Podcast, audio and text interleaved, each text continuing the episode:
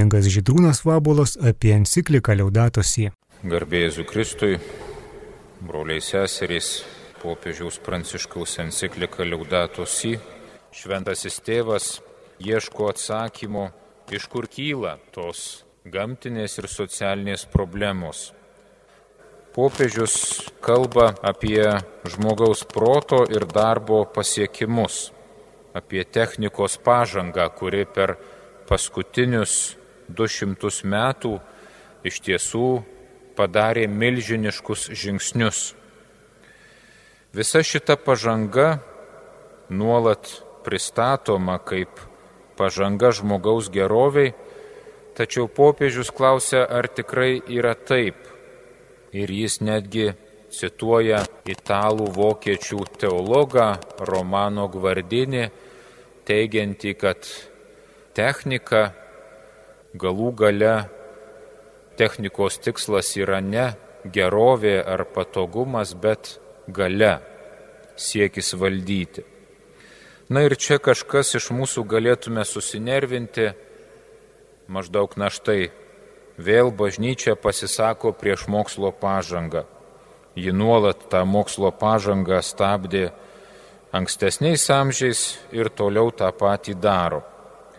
Iš tiesų taip nėra. Popiežius pirmiausia šitoje enciklikoje tą mokslo ir technikos pažangą įvertina. Jis įvertina įvairius žmogaus proto pasiekimus, ypač medicinos, inžinerijos, komunikacijos srityse, bet taip pat ir visose kitose srityse. Ir sako, kad negalima nesižavėti tuo, ką žmogus sukūrė ir negalima nebūti už tai dėkingiems. Tad kame problema? Problemų yra keletas. Pirmiausia, technika savotiškai palengvindama mūsų gyvenimą, nepastebimai mus ir pavergia. Mes tampame nuo jos priklausomi ir be jos nebemokam išsiversti. Kai kuriuose srityse tai žinoma suprantama ir pateisinama. Na pavyzdžiui, sunku įsivaizduoti, kad šiais laikais galim išsiversti be automobilių, autobusų, traukinių ar kitų transporto priemonių. Tai tikrai Niekas nesako, kad reikia grįžti prie važinėjimo arkliais ir vežimais ir rogėmis. Bet kai kur nuo tų techninių pasiekimų tampame priklausomi, nors neturėtume, nors ten mums nebūtinai prie jų prisirišti. Tampame priklausomi absoliučiai visose srityse nuo tos technikos ir nuo jos pasiekimų. Pavyzdžiui, kai kurie žmonės be išmanaus telefono, be interneto nebegali išbūti ne minutės. Ne tai, kad juos naudoja tiek, kiek reikia darbui arba bendravimui su artimaisiais, kurie tuo metu toli. Žmonės ima naudoti juos tiesiog visada. Teko prieš kiek laiko matyti reklamuojamą dušo užuolaida. Ta užuolaida yra su specialiomis kišenėmis, kur galima būtų įsidėti įvairius išmaniuosius įrenginius. Išmanų į telefoną, planšetinį kompiuterį. Tai reiškia, kad yra žmonių, kurie net duše, prausdamiesi ar vonioj gulėdami, nebegali be šitų dalykų ištverti. Kažkada apie šabą Jėzus sakė, ne žmogus šabui, o šaba žmogui. Tai tą pačią tiesą galime pritaikyti ir technologijoms. Technologijos skirtos žmogui, o ne žmogus joms. Bet ar visada taip yra? Ar visada taip yra mūsų gyvenime? Gal pavyzdžiui šiais laikais gavėnios pasninkas, į kurį per kiekvieną gavėnę esame kviečiami, tikrai galėtų būti susilaikimas nuo besaikio technologijų naudojimo ir tam tikras jų apribojimas. Tai galėtų būti gera idėja. Turbūt tai būtų naudinga ne tik gamtai, bet ir mūsų sielos laisvė bei santykiui su Dievu. Antras dalykas, kur technikos pažanga iškelia problemą, tai technika suteikia galę kurią žmogus gali ne tik geram, bet ir piktam panaudoti. Deja, dažnai taip ir atsitinka. Popiežiai jau nuo 20-ojo amžiaus vidurio vis įspėdavo, kad jeigu kartu su technologijų pažanga nebus dvasios pažangos, nebus dorovės pažangos, tai ta technologijų pažanga liks vienpusė ir ilgainiui taps pačiam žmogui pavojinga ir pražutinga. Štai popiežius emeritas Benediktas XVI taip pat rašė apie technikos pažangą ir nors jis irgi ją įvertina, bet kita vertus sako, technika gali kelti pagundą taip gerėtis jos teikiamomis galimybėmis, kad nebeužduoti savo klausimo kodėl, o tik tai klausimą kaip, kaip kažką padaryti. Nesvarbu, ar to reikia ar nereikia, nesvarbu, ar tai dora ar nedora, įdomu, ar sugebėsiu tą padaryti. Na pavyzdžiui, kaip žinom, branduolinė energija, ne ją galima panaudoti gaminti elektrai, o galima pasigaminti ir atominę bombą. Čia vėl galima klausti, bet ar technika kalta? Turbūt ne. Bet liūdna patirtis rodo, kad žmogus įgyjęs galios su technika dažnai nebegeba sustoti. Čia gal panašiai kaip su pinigais šventajame rašte. Girdime, kaip šventajame rašte, pažiūrėjau, pats Jėzus e, nekarta kritiškai atsiliepia apie turtuolius, taip pat regis ir apie patį turtą, pavyzdžiui, sako, negalite tarnauti Dievui ir mamonai, tai reiškia pinigui. Bet juk kaip ir technika, taip ir pinigai arba turtas savaime nėra blogi, nei geri dalykai, jie yra neutralūs. Pats Jėzus pinigais naudojosi, žinome iš Biblijos aprašymų iš Evangelijos pagal Joną, kad štai apaštalas Judas grobstė pajamas iš bendros kasos, reiškia, jie turėjo bendrą kasą Jėzus su savo mokiniais. Visgi matyt, liūdna patirtis sakė, kad dažnas žmogus sužavėtas pinigų nebesinaudoja jais protingai ir sąžiningai, bet ima rodyti savo galę Dėl to kartais Jėzus kritikuoja, atrodo, pačius pinigus, ne blogą žmogaus elgesį, bet pačius pinigus. Panašiai atsitinka ir su technika. Ir čia grįžkim prie to burtažodžio, kurį naudoja popiežius - technokratinė paradigma. Pats popiežius paaiškina, kas tai per dalykas, kad tai siauras ir vienmatis požiūris į aplinką, kaip daiktą, kurį reikia užvaldyti. Kitaip sakant, žmogus dairosi aplinkui ir į viską žiūri tik per naudos prizmę. Nebemoka tuo, kas yra aplinkui, ar gamta, ar kultūra, nebemoka tuo paprasčiausiai grožėtis, džiaugtis ir nesiekti pasinaudoti. Na, kaip pavyzdys galėtų būti, kad ir tokia situacija. Štai atsidūrus miške galima būtų imti galvoti, aha, jeigu šitą mišką nukirščiau, medieną parduočiau, įdomu, kiek uždirbčiau. O jeigu paskui dar šitą miškirstam plotę pastatyčiau gyvenamųjų namų kvartalą, kiek dar uždirbčiau. Štai čia būtų ta technokratinė paradigma žiūrėti į prieš tave želiantį mišką ir galvoti, kokios naudos iš to gali ištraukti. Bet juk galima į mišką pasižiūrėti ir kitaip. Galima, pavyzdžiui, pagalvoti, kad šitas miškas yra bendras gėris. Jis valo orą, jis yra daugelio žvėrių ir paukščių namai, jame auga grybai ir uogos, kuriomis ir žvėrys maitinasi, ir žmonės pasirenka. O galima tiesiog žvelgti į mišką ir jo pasigrožėti, arba pasiklausyti, kaip jis nuostabiai ošia. popiežius kviečia mus į tokį santyki. Gal jis irgi būtų labai tinkamas gavėniai, nebesidairyti aplink ieškant tik savo naudos, bet tiesiog pasidžiaugti tuo, ką Dievas yra sukūręs. Dar vienas mano minėtas popiežiaus burtažodis - tai modernusis antropocentrizmas.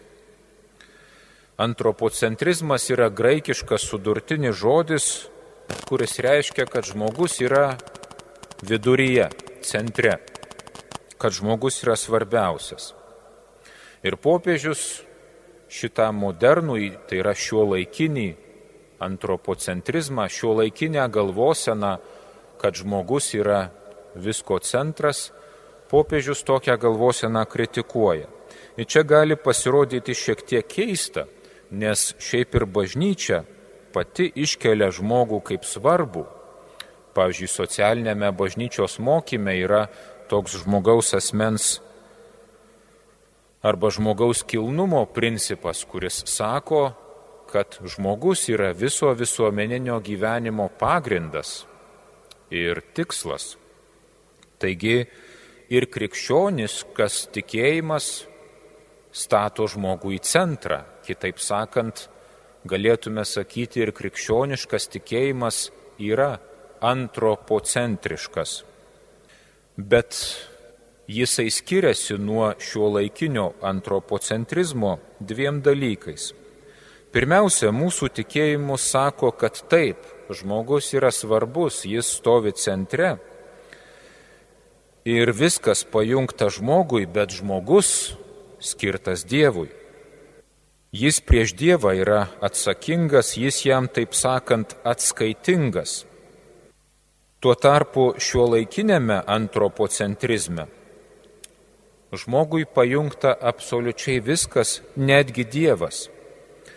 Štai mūsų tautos sūnus, kunigas ir psichologas išeivijoje gyvenęs dabar jau amžinatilsi Antanas Paškus vienoje savo knygoje lygina ankstesnių laikų ir dabartinį žmogų. Ir rašo, kad ankstesnis žmogus buvo tikintis, tikėjo Dievą ir savo gyvenime siekė vykdyti Dievo valią klausė, kokia ta Dievo valia ir kaip aš ją galiu vykdyti. Dabartinis žmogus, sako kunigas Paškus, nėra netikintis. Jis irgi yra tikintis, bet jis tiki tiek, kiek tai jam naudinga ir taip, kaip jam naudinga ir kaip tai pasitarnauja jo gerai savijautai. Kitaip sakant, nebe jis nori tarnauti Dievui, bet nori, kad Dievas jam tarnautų nebe jis, nebe žmogus siekia vykdyti Dievo valią, bet nori, kad Dievas vykdytų jo žmogaus valią. Tai štai toks yra tas šiuo laikinis antropocentrizmas, jis pajungia žmogui netgi Dievą. Kitas skirtumas tarp krikščioniško ir šio laikinio antropocentrizmo, tai krikščioniškas tikėjimas stato į centrą kiekvieną žmogų. Tai yra ne tik mane, bet ir mano artimą, ypač vargšą. Bažnyčioje net egzistuoja toks principas - pirmenybės teikimo vargšams principas. Bet kokiu atveju mūsų tikėjimas kviečia mus mylėti artimą kaip save patį. Reiškia, ir save turiu mylėti, ir aš svarbus, ir aš esu centre bet taip pat ir mano artimas yra svarbus ir jis yra centre. Apaštalas Paulius tą artimo meilę savo laiškuose kartais ypač pabrėžia ir sustiprina, pavyzdžiui, sakydamas, žiūrėkite kiekvienas ne savo naudos, bet kitų. Arba garsiajame himne meilė jisai sako, meilė neieško savo naudos reiškia tarsi save iš to centro patrauki, nes kitas yra svarbesnis. Taigi žmogaus centriškumas krikščionybėje tai ir kito centriškumas, ne vien mano. Tuo tarpu šio laikinis antropocentrizmas, šio laikinis žmogaus centriškumas, sako, kad centre esu vien tik aš. Na, arba mano šeima, mano įmonė, mano interesų grupė, bet kažkas, kas yra mano. Ne visi žmonės, ne bet kuris kitas žmogus. Ir į ką tai veda, kai aš statau centrą tik save, o ne kitą. Tai veda į tą trečiąjį burtažodį, kurį popiežius paminė, praktinį relativizmą ir kuris reiškia, jeigu man ar mano interesams naudinga, aš galiu nepaisyti ne tik gamtos, bet ir kito žmogaus ir pažeisti jo teisės. Ta galiu daryti netiesiogiai, pavyzdžiui, kenkdamas gamtai. Taip atsitinka ir čia nėra laiko pateikti įvairiausių pavyzdžių, bet taip atsitinka, kad pavyzdžiui didelės įmonės kažkur pasistačiusios gamyklą taip užteršia aplinką, kad vietiniai gyventojai nebegali toj teritorijoje gyventi ir verstis žemdirbystę, kurią vertėsi šimtus metų. Arba štai kai kuriuose šalyse, kur dar nėra vandentiekio ir žmonės naudoja natūralių šaltinių vandenį, at, atvykusios įmonės prekiaujančios vandeniu kartais specialiai tuos šaltinius užteršia tam, kad žmonės būtų priversti pirkti jų pardavinėjamą vandenį buteliuose. Taigi, akivaizdu, jeigu tai man naudinga, jeigu mano interesas yra centre, aš galiu net šaltinį užteršti, iš kurio kitas geria, kad tik tai būtų man naudinga.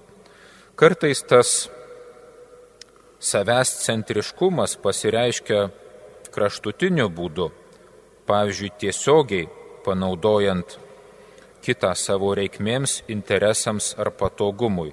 Na taip, pavyzdžiui, pateisinami abortai, kai kitas žmogus nužudomas, nes jo gimimas yra man nepatogus, jis nėra mano interesas. Netaip paprasta kitų žmogumi nesinaudoti. Kartais jais pasinaudoti netiesiogiai mus priverčia dabartinės technologijos, to mums net nežinant. Pavyzdžiui, nes, neseniai skaičiau straipsnį, viena jungtinių valstybių viskupija paskelbė savo nuomonę apie naują vakciną prieš COVID, kuri ką tik buvo patvirtinta jungtinėse valstijose. Ir ta viskupija teigia, kad katalikai, jeigu turi pasirinkimą, turėtų vengti skiepytis tą vakciną, nes jos gamyboje buvo panaudoti abortuotų kūdi, iš abortuotų kūdikių paimti elementai. Kitose vakcinose irgi tas buvo panaudota, bet tik tyrimų metu, o ne gamyboje. Tuo tarpu šitoje vakcinoje tie dalykai naudojami ir gamyboje. Reiškia, tu priimi vaistą, kuris pagamintas pasinaudojant nužudytų negimusių kūdikių. Žinoma, nėra laiko ar galimybių gilintis į šią temą, bet tik noriu pasakyti, kad tiesiogiai ar netiesiogiai visi esam gundomi į tam šiuo laikiniam antropocentrizmui. Reiškia, statyti save į vidurį ir savo interesą aukščiau už kitų žmonių interesus. Jėzus kviečia tokį požiūrį keisti Jis pats atėjo ne kad jam tarnautų, bet pats tarnauti. Šia prasme, iš ties Dievas mums tarnauja ir tai prisimename per gavėnę ir Velykas. Bet paskui Jis nori, kad ir mes tą vieni su kitais darytume, kad ir mes žiūrėtume ne vien savo naudos, bet ir kitų, o svarbiausia žvelgtume į Dievą, ieškotume Jo valios ir stengtumės ją vykdyti. Apžvelgęs prastą ekologinę situaciją ir patyrinėjęs jos priežastis, popiežius galvoja, kągi mes galime daryti, kad šitą situaciją taisytume. Šiame skyriuje dažnai skamba žodis dialogas ir popiežius pirmiausia kalba apie būtinus sprendimus politiniuose, ekonominiuose ir finansiniuose sluoksniuose. Dauguma šių rekolekcijų klausytojų turbūt nesate nei, nei politikai, nei įmonių vadovai, bet tai nereiškia, kad negalima šiame skyriuje rasti minčių, kurios teiktų peno tiek mūsų maldai, tiek mūsų gyvenimo sprendimams. Popiežius kalba apie iškreiptą ekonomikos supratimą. Cituoju, plečiantis gamybai menkai domina tai, kad gaminama ateities išteklių ir aplinkos veikatos sąskaita. Jei miško kirtimas sąlygoja gamybos augimą, niekas neskaičiuoja nuostolio, kurį atneša teritorijos pavertimas dykuma, biologinės įvairovės sunaikinimas, ir užterštumo padidėjimas. Citatos pabaiga. Popiežius čia išsako mintį, kurią nagrinėjo jau ir praeitame enciklikos skyriuje, kad mūsų pelnas apgaulingas, nes mes neskaičiuojame, neskaičiuojame visų sąnaudų. Jeigu paskaičiuotume visą poveikį aplinkai, paaiškėtų, kad ekonomika iš tiesų veikia nuostolingai. Nors giriasi dirbanti pelningai, bet veikia nuostolingai. Vaizdžiai sakant, mes skolinamės iš ateities kartų, imame iš jų kreditą, o jos, tos ateities kartos, vaikų ir vaikai ir vaikų vaikai turės mokėti didelės šito kredito palūkanas. Popiežius primena, kad žemė yra bendri namai ne tik mums šiuo metu joje gyvenantiems, jie bendri ir su kitų laikų kartomis. Paveldėjome žemę iš ankstesnių kartų, turime ją palikti ateities kartoms. Paveldėjome ją gyvenamą, turėtume ją gyvenamą ir palikti. Kokius šiuos namus paliksime, klausia popiežius. Ir tikrai galime pagalvoti, ar bus dar šioje žemėje žmonėms, kurie ateis po mūsų, ar bus tyro vandens atsigerti, grino oro įkvėpti ir žalumos, ne tik, kad ją galėtų iškirsti, ar jie kažkaip pasinaudoti, bet kad galėtų jie tiesiog pasigrožėti ir tame grožyje išvelgti kūrėjo ranką. Logika, šita logika savo pasimti pelną ir naudą, o kitiems, ar tai būtų kiti žmonės šiandien gyvenantys ar dar gyvensiantys ateityje, kitiems, žodžiu, užkrauti nuostolius, Tokia logika būdinga ne tik didelių įmonių, bet ir mūsų asmeniniai elgsenai. Du trumpi pavyzdžiai. Kai nusiperkam naują baldą, juk patys jį atsivežame arba pasirūpiname, kad kažkas mums atvežtų ir už tai susimokame. O kai žmonės išmeta seną baldą, tokių išmestų miestuose galima matyti besivoliojančių prie jiems neskirtų šiukšlių konteinerių. Žmonės geba tuos senus baldus iš savo namų išnešti, bet pristatyti į stambių atliekų surinkimo aikšteles arba pasirūpinti, kad kas kitas ten, ten jas pristatytų ir už tai susimokėti, to jau nenori daryti. Arba štai iškylos gamtoje Žmonės jas atsiveža maisto, kitų būtinų dalykų, tačiau tai, kas po jų lieka, šiukšlių atliekų kažkodėl neišsiveža. Gerai, jeigu dar į konteinerį arba prie jo padeda, kartais net ir to nesugebama. Tačiau tai, ko norime, ko reikia mums, sugebame patys nuvažiuoti nusipirkti ir atsivežti o atliekų sutvarkymu pasirūpinti nebenorima. Gal būtų gražus pasiryžimas likusiai gavėniai, ateinančiai vasarai, kai iškylausime, arba apskritai visam gyvenimui, visada susitvarkyti savo atliekas. Grįžkime prie enciklikos minčių. Popiežius pastebi, cituoju, kad įmonės socialinę bei ekologinę atsakomybę paprastai susiaurina iki marketingo ir įvaizdžio kūrimo. Citatos pabaiga. Ką čia popiežius sako?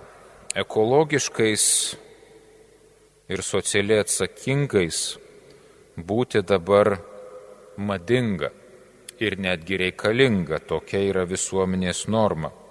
Ir tai žinoma labai gerai, kad tokia norma yra. Bėda, kad iš tiesų, anot popiežiaus, ekologiškais norima tik atrodyti, nes realiai tokiais būti kainuoja, o tos kainos mokėti nenorima.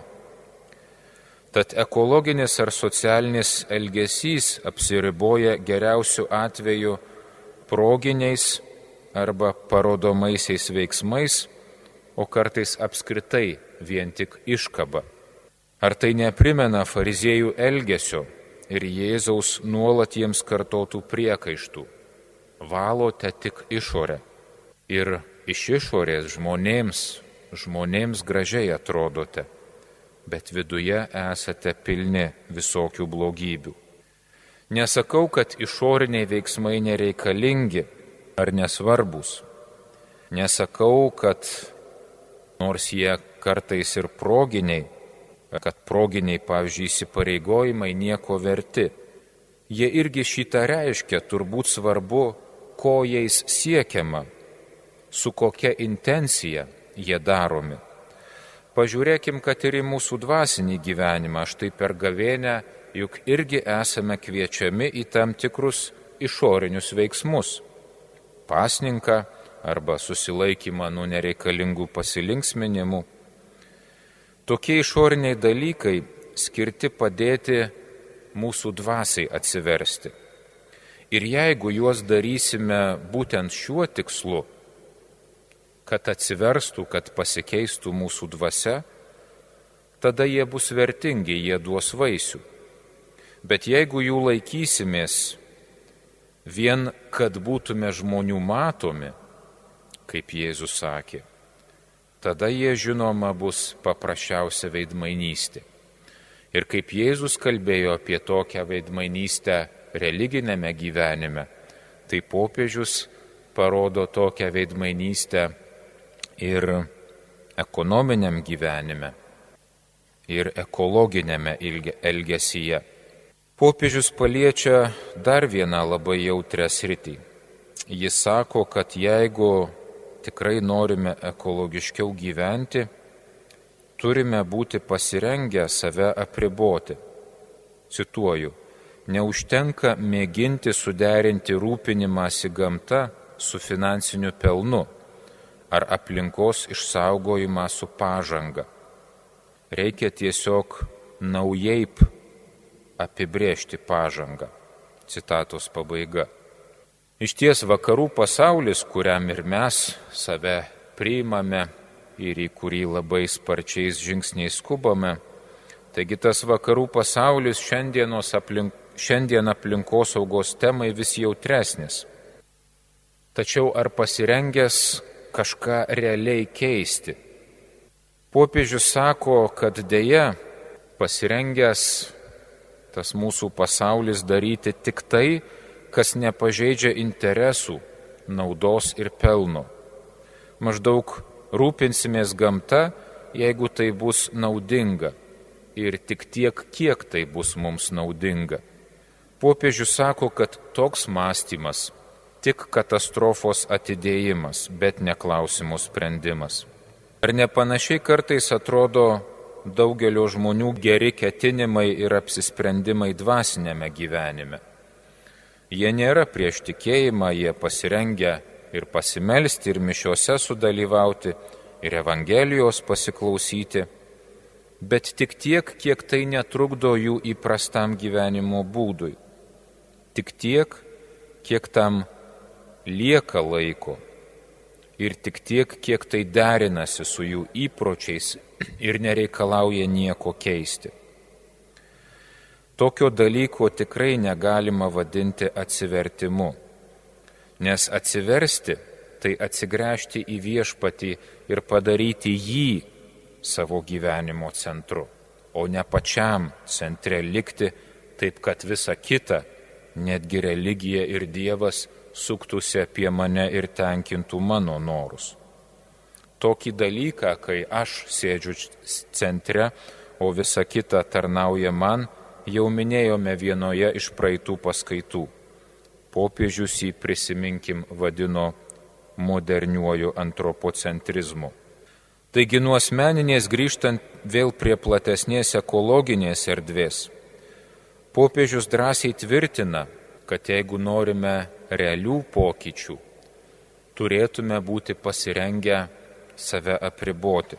Cituoju, šiandien atėjo metas susitaikyti su tam tikra recesija tam tikrose pasaulio dalyse, suteikiant galimybę sveikam vystimuisi kitose Citatos pabaiga. Popiežius supranta tokio kvietimo nepopuliarumą ir radikalumą. Jis sako, kad išgirdus tokius pasiūlymus priekaištaujama esą vėl norima stabdyti pažangą. Kažin ar tai pagrįsta kritika. Greičiau tai būdas prisidengti ir vėl nieko nekeisti. Aš sakyčiau, turėtume savęs paklausti, ar neklystame manydami, kad problemos įsisprendžia vien, vien didėjant įmonės ar asmeniam pelnui. Čia vėl popiežiaus žodžiai. Ar taip nemanome, kad problemos išsispręs tik didinant pelną? Kai pasiklausai kartais rinkiminių pažadų, atrodo, kad tikrai vien apie tai kalbama ir kad jeigu mes tik turėsim pakankamai pinigų ir mūsų ekonomika veiks gerai, visa kita stebuklingai susitvarkys savaime. Taigi, popiežius sako, tai yra klaida ir klausia, ar tokios klaidos nedarome. Kaip ir turime turbūt savęs paklausti, ar tikrai esame pasirengę tam tikrai ekonominiai recesijai. Jeigu šiek tiek mažiau vartotume, atsisakytume tam tikrų perteklinių patogumų, gal tai ir atrodytų kaip recesija, kas išvertus į lietuvių kalbą reikštų žingsnis atgal. Bet tai atrodytų kaip recesija tik žvelgiant iš pelno ir naudos pusės, o gilesnė prasme gal tai kaip tik būtų augimas. Augimas mūsų kaip žmonių ir kaip visuomenės. Nes tada ne daiktai mūsų valdytų, o mes juos valdytume ir parodytume, jog gebame pasitenkinti mažesniu ir pasidalinti vieni su kitais. Juk būtent tai mus ir daro žmonėmis. Tad mintis maldai klausimai mūsų maldai galėtų būti, ką reiškia pažanga mano gyvenime, kaip aš įsivaizduoju valstybės pažangą ir savo paties pažangą. Yra toks pasakymas, kad žmogus per savo gyvenimą turi pastatyti namą, pasodinti medį ir užauginti vaiką. Ar kartais savo pažangos nepribojame vien tik to namo pastatymu, nes nei sodinti medį, nei auginti vaiką juk neapsimoka. Vien išlaidos ir sąnaudos. Ir ką jau kalbėti ne tik apie vaiko auginimą, bet apie paties augimą dvasioje tas dalykas šioje patarlėje net nepaminimas. Panašią mintį popiežius paliečia ir kalbėdamas apie politikos atsakomybę ekologinėje ir socialinėje srityje. Politika irgi jaučia spaudimą vadovautis viengalios ir naudos interesais. pasiekti greitų tikslų ir juos parodyti. Iš dalies tai matyt pačių politikų kaltė, bet iš dalies visuomenės ir žiniasklaidos kaltė, nes to nuolat iš politikų reikalaujama. Popiežius kalba, kad kartais politikas turi imtis būtinų veiksmų, kurie, cituoju, neatitinka dabartinės ekonomikos ir politikos našumo ir greitų rezultatų logikos. Bet jeigu jam, jeigu tam politikui užtenka drąsos tai daryti, jis iš naujo patvirtina Dievo žmogui suteiktą kilnumą ir istorijai palieka kilnę dvasiškos atsakomybės liudėjimą. Citatos pabaiga. Ir dar popiežius sako, vėl cituoju, politikos didybė pasireiškia tada, kai sunkiomis akimirkomis veikiama vadovaujantis didžiaisiais principais ir galvojant apie ilgalaikį bendrąjį gėrį. Citatos pabaiga. Vadovaujantis didžiaisiais principais. Manau, šitą sakinį puikiai galime prisitaikyti ir savo asmeninėje erdvėje, tiesiog pakeitę šiame sakinyje vieną žodį. Vietoj žodžio politika įsirašę žodį žmogus, arba dar geriau tiesiog savo vardą. Paklausykim, kaip tai skamba. Žmogaus didybė pasireiškia tada, kai sunkiomis akimirkomis veikiama vadovaujantis didžiaisiais principais ir galvojant apie ilgalaikį bendrąjį gėrį. Tad maldoje galim klausti, ar drįstu savo darbe ir asmeninėme gyvenime vadovautis tais didžiaisiais principais ir tais, kuriuos yra atradusi visuomenė, kuriuos yra atradęs žmogus, mąstydamas apie kilnius dalykus ir dar labiau tais principais, kuriuos mums paliko mūsų viešpats Jėzus Kristus. Kuningas Žydrūnas Vabulos apie encikliką Liaudatos į.